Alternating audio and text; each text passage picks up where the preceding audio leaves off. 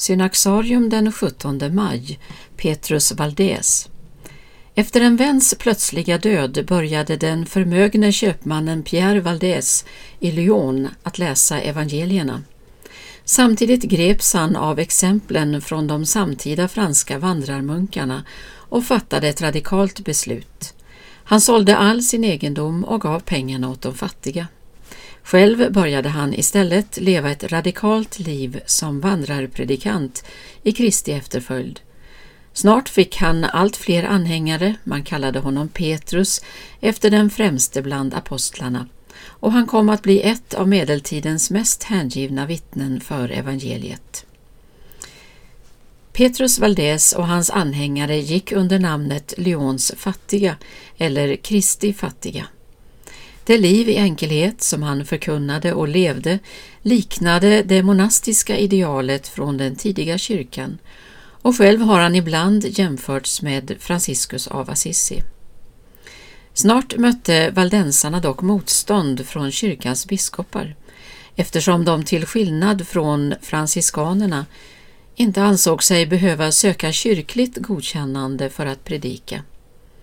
Petrus Valdés var övertygad om att ordet stod över kyrkan och att alla kristna var förpliktade att vara dess förkunnare för hela skapelsen.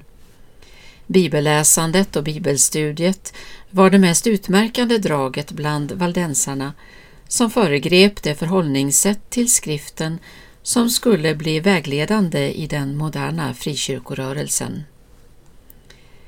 Konflikterna med kyrkan ledde till att valdensarna fördömdes av en synod i Verona 1184.